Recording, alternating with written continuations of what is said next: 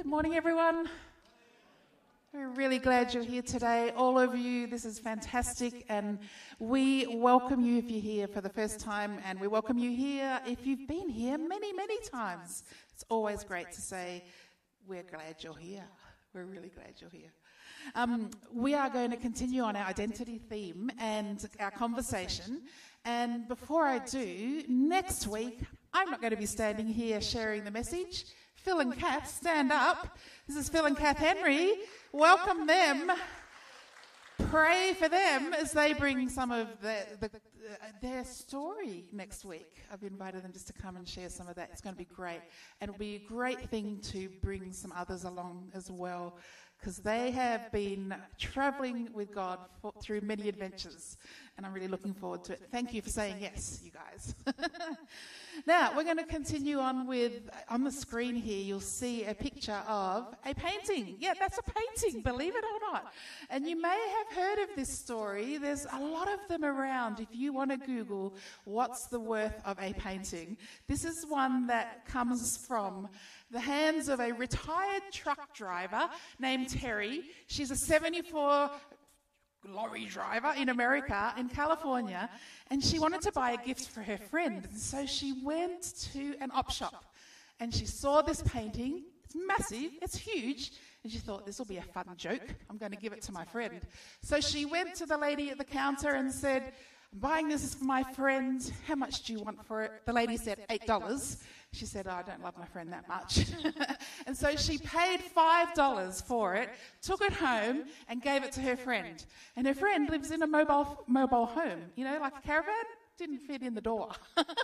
so the joke got even better, and so she gave it back. A re-gift. Don't we love re-gifts? and so what happened was Terry said, oh, I've got to pass this on. She had a garage sale. And there was an art teacher from a college nearby that walked past that painting and said, you may want to check that. I think that may have some worth more than $5. And so she did that. She recognized that art, in the art world, you need to have proof on authenticity of what a painting is and who painted it. So she got a forensic artist to actually, because there was no signing on it, and he, they actually found a fingerprint and they traced it to, they think, a guy called Jackson Pollock. yeah, yeah, you get it right. and so instead of $5, it turned out that this painting could be worth $50 million. What a treasure. Now, if you don't think that story is true, you can Google it. It's true. There's documentaries all about it, and it's um, very funny to see that that's her story. And we often have so much resonance, don't we, with some of those stories where in our humanity, in our human humanness, we want to see that there is true identity found that's been hidden, right? I love The Secret Millionaire. Have you seen that show? It's a little bit like that, where they go undercover and they find out how they can bless a community. And so, this painting is a great story that we can resonate with because many of us kind of feel like sometimes that we're a bit of a mess. Many of us feel like that maybe our identity is a little bit. Oh, we've got a whole tribe of people going across. Yay, let's cheer them on. Woo! so good. I'm just realizing it might have been a bit hard for you to hear while, while they're chasing through there. Bless them. So, yeah, often we come with these identities that we are a little bit like we've been found in an op shop and we haven't yet been discovered as to how much of a treasure you are. And we can carry through our identity that might not be how God views us. So, some of us, when we're in primary school, when we're in kinder, we may have received identities like loser, like, oh, you're a disappointment, you're rejected. You know how that's so cruel in that age group? And you might have carried that through as part of your identity now. And so we're looking at God's view of us and that He treasures you. And we're looking at your identity in the way that He views you. And so that's the series that we're looking at today God's view and our identity it's really our self concept. It's the core part of who we are and how we're made and how we're designed that you take into any context that you walk into. It doesn't change, it becomes who you are. And so we really want that to be God's story. We want that to be God's version of who you are. But tri- typically, if, if you're anything like me, there are layers upon our identity. And often, one of the layers that we actually source our identity from is from our own narrative, how we see ourselves, our successes, our failures, maybe our highs and our lows, the things that we're good at, the things that we're not so good at, create a mental picture of who we are. And we construct this image in our mind and we say, This is the person I am. And then there's also another layer, right, that we talked about a few weeks ago, where there's others that are also saying, no, no, no, this is who you are, whether it's siblings or co workers or teachers or parents or friends, that they bring a story to us and they say, this is who you are. And we're saying today, we really want to make sure we know that our identity is the recipe that God's given us, about how He's made us and designed us to be. What does God see in you, and how does He view you? So today, our journey in identity is going to be just again looking at how we can receive that and live that. It's very possible, and it's who we are as Christians. And before I was born, it says in the Bible, God knew all about me. Before I was born, it says that He was creating a story for me. Before I was born, He was also saying, I know how many hair on hairs on her head she's going to have. And so for you as well, there's a story that you stepped into as soon as you arrived, and God has created for you that. And it's the phrase that we've been saying is, I'm not who I think I am. Here it is. I am who He says I am. On the next slide. So, if you are finding that your thoughts are challenged by some of these things, that, that you're not able to receive the fact that He created you and uniquely designed you, then we're saying today that there's going to be some revelation in this room that He's going to help you understand exactly who you are. He's the creator, you're the created. He's the potter, we're the clay. So that's a bit of a review if you are here for the first time. So I was looking for a dad story because often it's good to have dad stories, right? Dad jokes, dad stories. And the dad story that I had was all about summer and sunburn. And then I thought, oh, I think we need a winter story. Because this week has not been about that. So I heard a dad's story recently from a guy that's in, in winter overseas and they're experiencing very, very, very wet and cold winters over in America. And this dad took his kids to the bus stop. And when they got there, there were puddles everywhere. And on the way to school, they wanted to jump in the puddles. And so this dad was sitting there going, hmm, this is a very interesting moment. 90 seconds of jumping in the puddles will be awesome fun. But I know what's going to happen for the next three hours after that. They're going to be wet, they're going to be soaked, they're going to get on the bus wet and uncomfortable, shivering. They're going to arrive at school sitting in chairs like what you're sitting in right now, and they're going to be uncomfortable for more than 90 seconds of fun. And so often, I just think that dad's story is very much how our Father sees us. That we can see this much of what's happening. Oh, that'll be fun. Jump towards that. Let's get, jump in the puddles. Let's have fun. Let's embrace our identity, this part of it. But the Father's saying to us through this series that there's a broader perspective for you to think about. There's a broader perspective. If you see how you, if you see yourself how uh, you see if you see yourself how I see you, then you're going to recognize there is a life eternal with your identity. It's not just nine seconds of fun, and our identity begins to evolve as we receive His view. Our identity evolves also when we receive His mission. So if you think about, He's called us to co mission with, with Him, and we need a new layer of identity to be able to do that. That's why we get born again. That's why we receive newness of life through Him in Christ, because His mission comes through that part of our identity. And right now, we are in a place where there's a lot of us, as Joe and Trav said, are taking on new commissions, new layers of their identity as they step into new things with Jesus.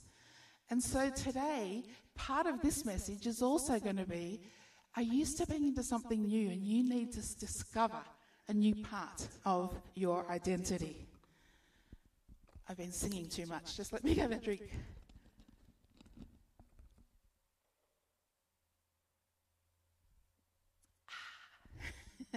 Hi, online people. Was that fun to watch?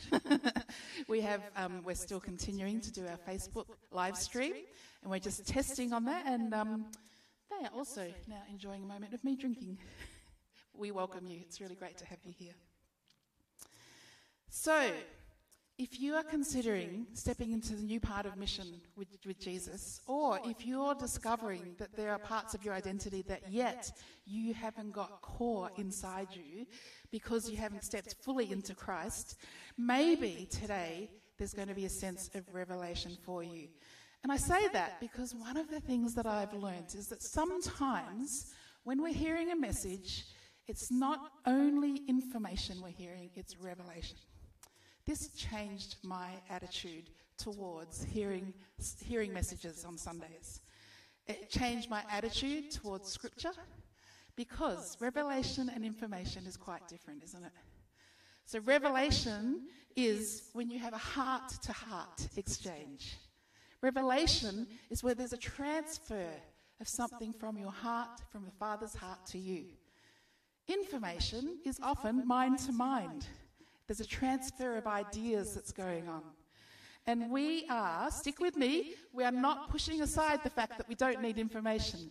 We want to be learners, lifelong learners. We want to continue to grow our minds. We want to learn that the person sitting in front of you might actually know a lot more about something than you do, and you want to know more about that. We want to learn that the person sitting next to you might actually have a different understanding of some things, and as a community, we push into that. That's information sharing. We say, Can you teach me about that? And that's something that we really bless and value in this community.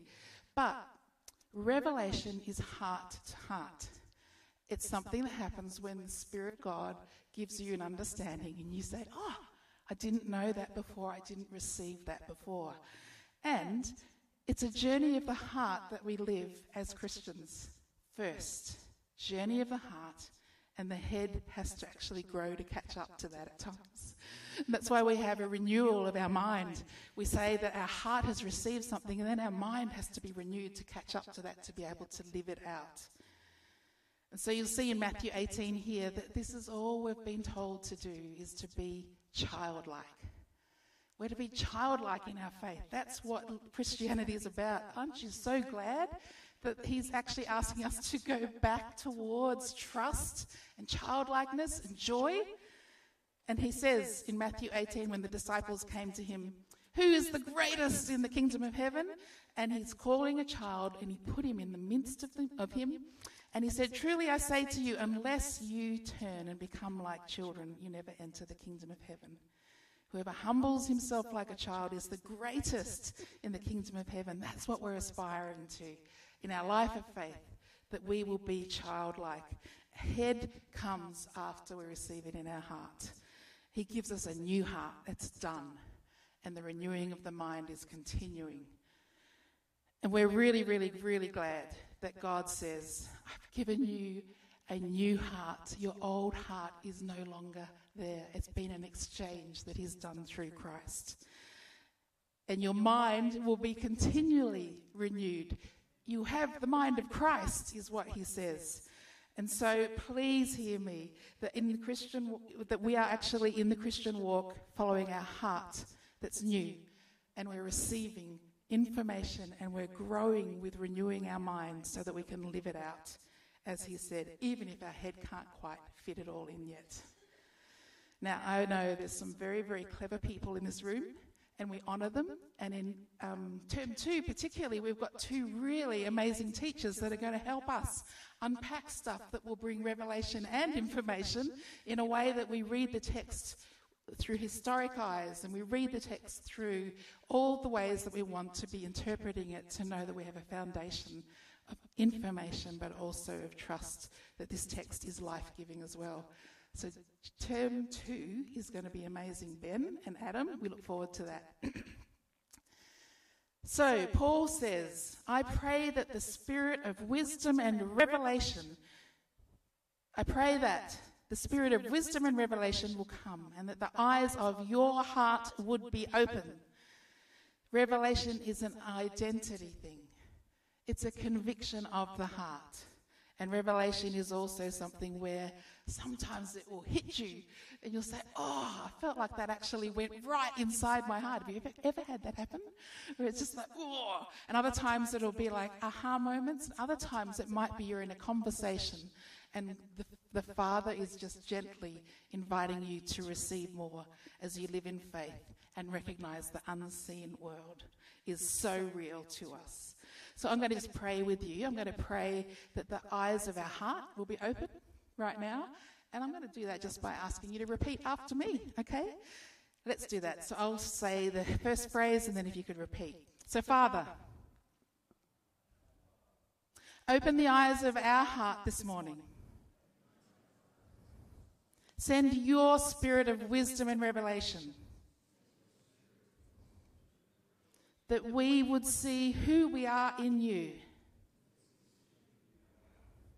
and live like that to the world. Amen. Great. So, who does God say we are? Let's have a look at that.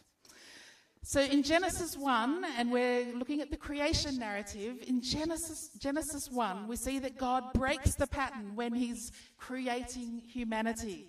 And we see as we read through that he says and declares through declaration, let there be light. And then light shows up, right? And Genesis 1, we see that the waters are separate. He says, let the waters separate. Let the land and the water split. And so it was, and it happened. And we also see that he says, let the vegetation produce. And he said it, and it happened.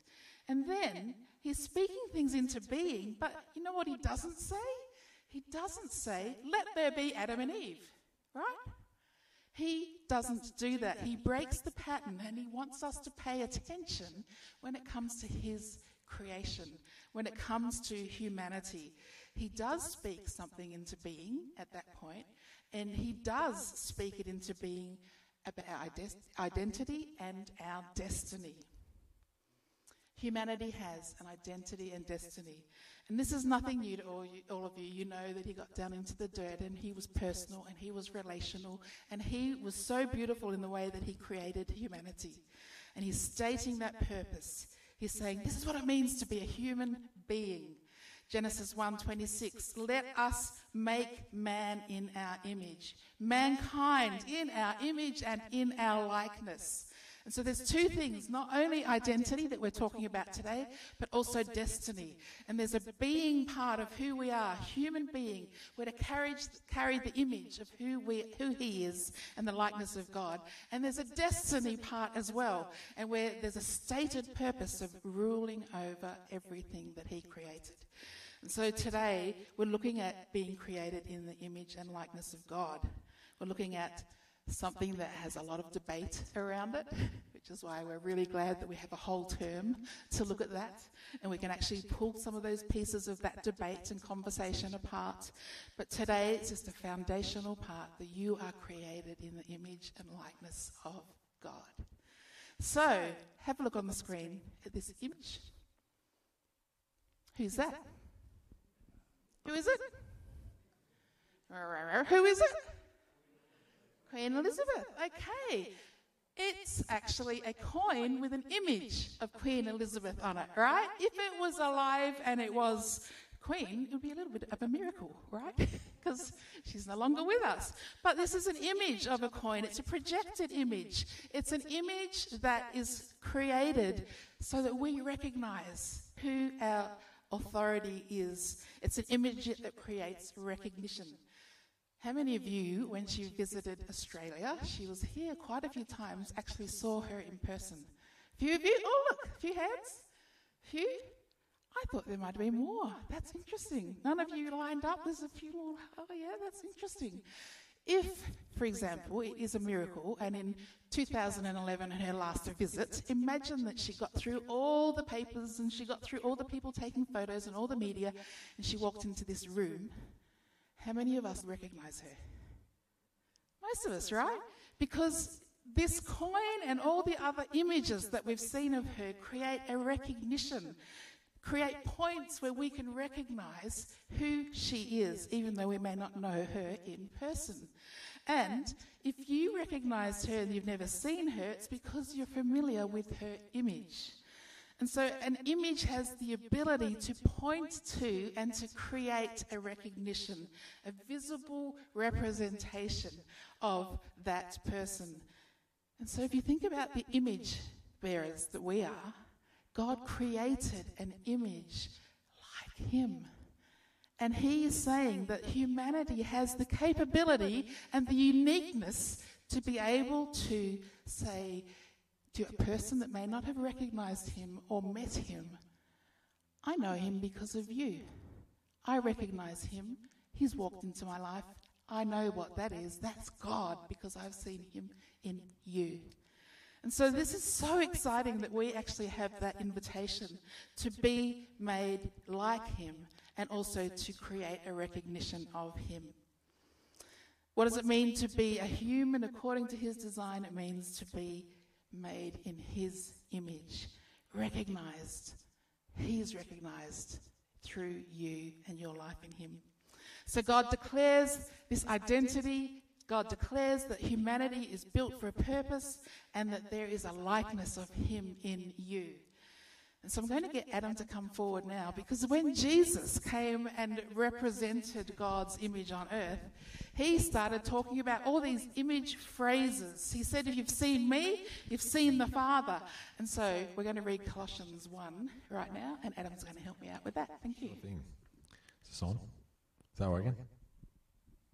Can you actually hear me? Yeah, thanks, Travi. Uh, so Colossians 1 15 to 20. He, the Son, is the image of the invisible God, the firstborn over all creation. For in him all things were created things in heaven and things on earth, things visible and things invisible. Whether thrones or powers or rulers or authorities, all things have been created through him and for him. He is before all things, and in him all things hold together. And he is the head of the body, the church. He is the beginning and the firstborn from among the dead, so that in everything he might have the supremacy.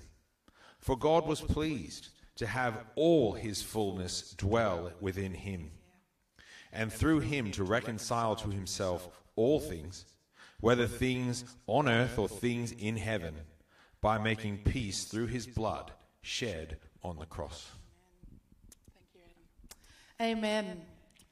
What an amazing scripture. Thank you. Yeah, that's great. Thank you. When Adam reads it, isn't it just like something that's so so rich and beautiful? I just love it when he reads scripture. Thank you, Adam. So if we look at um, Paul speaking a bit further on about the fullness of Christ. Oh, you'll see on the next slide, for in him, this is Jesus, in him, the whole fullness of deity was dwelling bodily. In him, the fullness of deity dwells bodily. Can you fit God in this room? No. Can you fit God in Australia? No. Can you fit God in the planet? No. But here it says, for in him the whole fullness of deity dwells bodily. Can you see why our mind takes a while to catch up to some of this revelation? It's like, oh my gosh, how did you do that, Jesus? How did you come? And your the, the deity actually fit inside him. And I remember hearing John Wimber talking about this. He's the founder of the Vineyard, and he talked about it being like a glove. And it's like he had a glove that is a perfect shape for humanity. And he comes and he fills that glove as well as a hand fills a glove. And every part of it moves with the fullness of what God has done with filling that glove. And we are like that, that God comes with the fullness, as Jesus did, in our humanity and actually fills us with every part of him. He is now saying that you are full as well with the fullness of when God does that, when He comes and fills us, we often get really be a bit uncomfortable with that. I don't know if you're the same as me, but you might be saying, oh, oh, I'm so emotional. I wish I wasn't so emotional. Or others of you might say, I wish I were more emotional. Or you might be saying, Oh, I'm so cerebral. I wish I wasn't so cerebral. And others, others of you might be saying, I wish I was a bit more cerebral. and so we do that, don't we? We just don't want to have the fullness expressing. And so we often say, even things like, oh, I'm oh, just so relational, or I'm so blank, blank, blank. You can fill out what that you might be saying in your own mind. But did you know that you have emotions because God has emotions. In His image, you have emotions, and He wants to fill your emotions. And so when we're singing of joy, He wants to fill your experience of joy with his emotion of joy. When we're singing of his grace and his glory, we get emotional responses to that. And then he comes and feels it even more because he's in us responding as well. And so today, I just want to encourage you that if there's something in your mind where you're dreaming and if you're imagining and if you're planning and if you're bringing strategy to things, God wants to fill that in you because He's filling it with you being filled with His mind, His planning, His imagination. If you are in a relationship where you're recognizing you're wanting to see more fullness of that, that's a great thing to ask because He is also a God in relationship. And He's saying, I want to fill every part of your relationships as well. You get to experience even more because your Holy Spirit, God, is coming into all our relationships because He's a relation, relational God. If there's resources that you're stewarding and sharing, that's because He's a God of resource. And He wants to fill even more the resources that you have. And He wants to fill everything that's in your hands and fill it even more so it looks more and more like kingdom. He wants to fill our humanity so that we are the image and representation of who He is on earth. And that also means that people are going to recognize that, like the image of the Queen. I recognize that's part of who God is. I don't know Him yet, but I know Him through you. So, Colossians 2 is really an important verse. And if you read the next verse after that, it says, You have been filled in Him. He dwells in you. He lives in you. Some of you have been moving house recently. I think there's a number of our community that in the last weekend we had about three different families moving houses. And I just wanted to finish with this last analogy about being filled. And so if you imagine moving to a new house, on the outside, the house looks exactly the same, right? But you're bringing all of your new gear into that house, and the old tenant moves out. Inside looks totally different. And we have changed houses when we became believers. And we saw an old resident move out and a new resident move in. And so the inside looks totally different. Your inside looks totally different because of who lives in you now. And I don't know if you've noticed, but often we will get mail to the old address, right? In the natural and also spiritually, right? And those that have moved house might be dealing with that right now. And so you return to sender. And it's the same when you've got a new spirit inside you and a new heart inside you. If there's anything that comes that's working against challenging that new residence, return to sender. Send it back to where it belongs. And that's just something that we are learning that often we take it on and we sit with it and we walk with it. It's really easy just to return to sender. So we're going to move into a time now where we're literally just going to say, Lord, is there anything in my identity that needs to have your view come across it? And one way that I've found very helpful is by using, you could do this for homework if you like, or you could just do this in your own thoughts right now.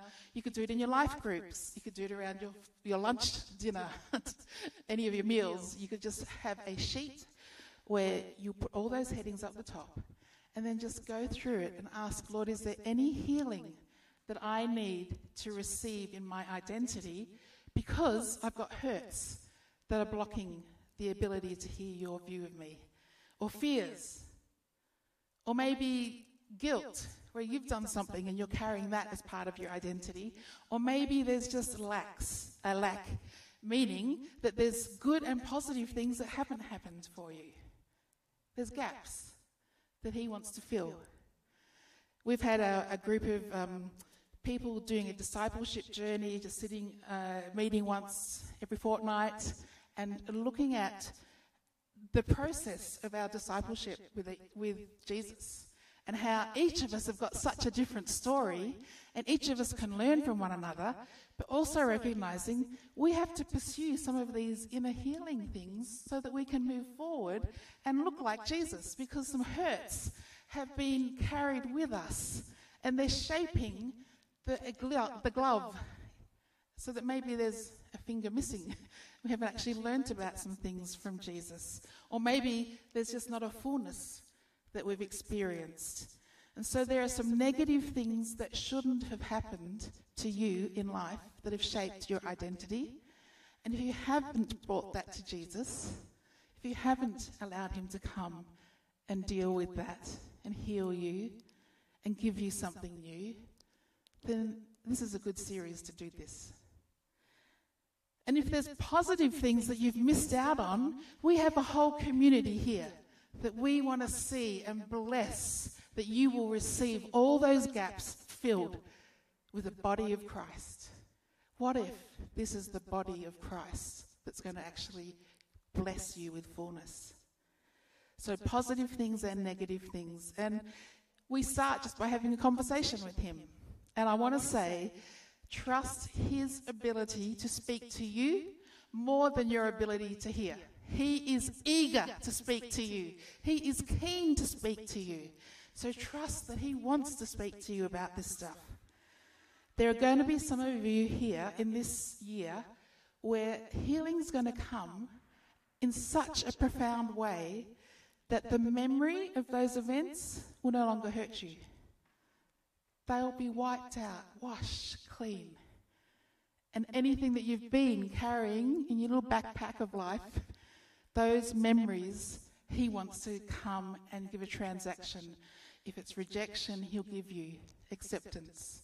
And he'll do that in such a unique, beautiful way. It'll be just your language, it'll be just the right fit for you. And he's going to fill you again with healing. So some of you might sit here and just say, No, I'm good that's fine. But others of us are really wanting to make sure that we are moving forward with fullness. And either way, we just want to bless wherever you are in your journey. If you're not quite connecting today, that's okay. Come back another and hear another story next week. If you're connecting today and you're saying, you know what, I can recognize that there's actually a source of negativity that's affecting my identity and affecting me receiving the fullness of Christ that is mine, that is part of my new heart and has been won. And so today we're going to just be the body of Christ and we're going to bless and pray and listen to one another and invite the Holy Spirit to do what he does best, and that is to bring healing and to bring affirmation and to bring encouragement and to bring empowerment of your new identity for what He's got ahead of you. Let's stand.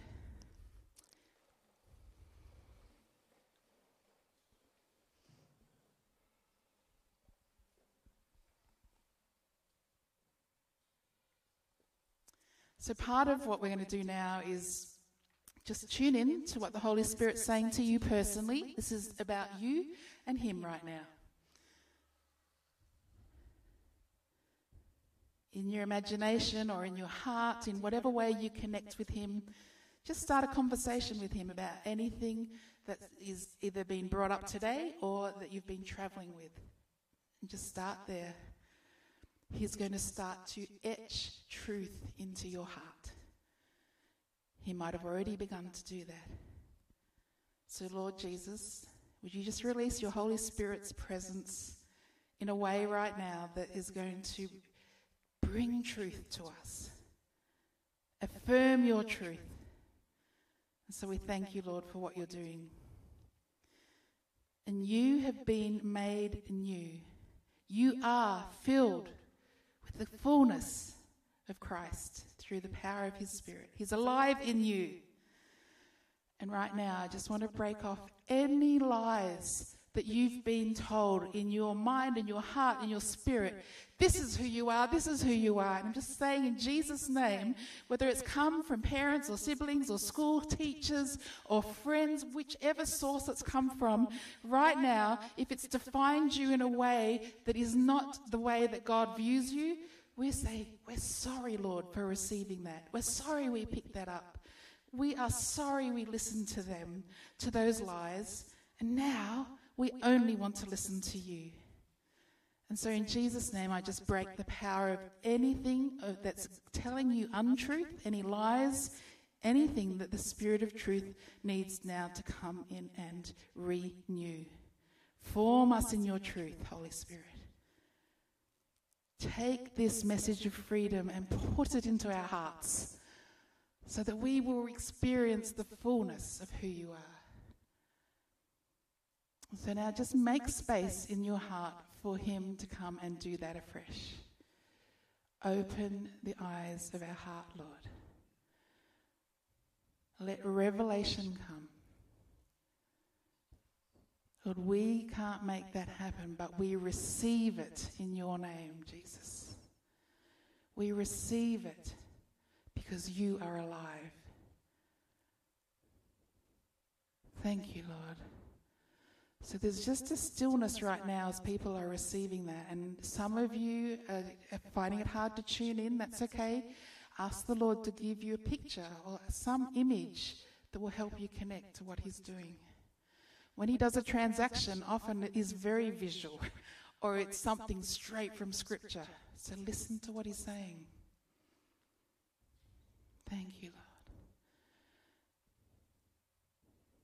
Thank you.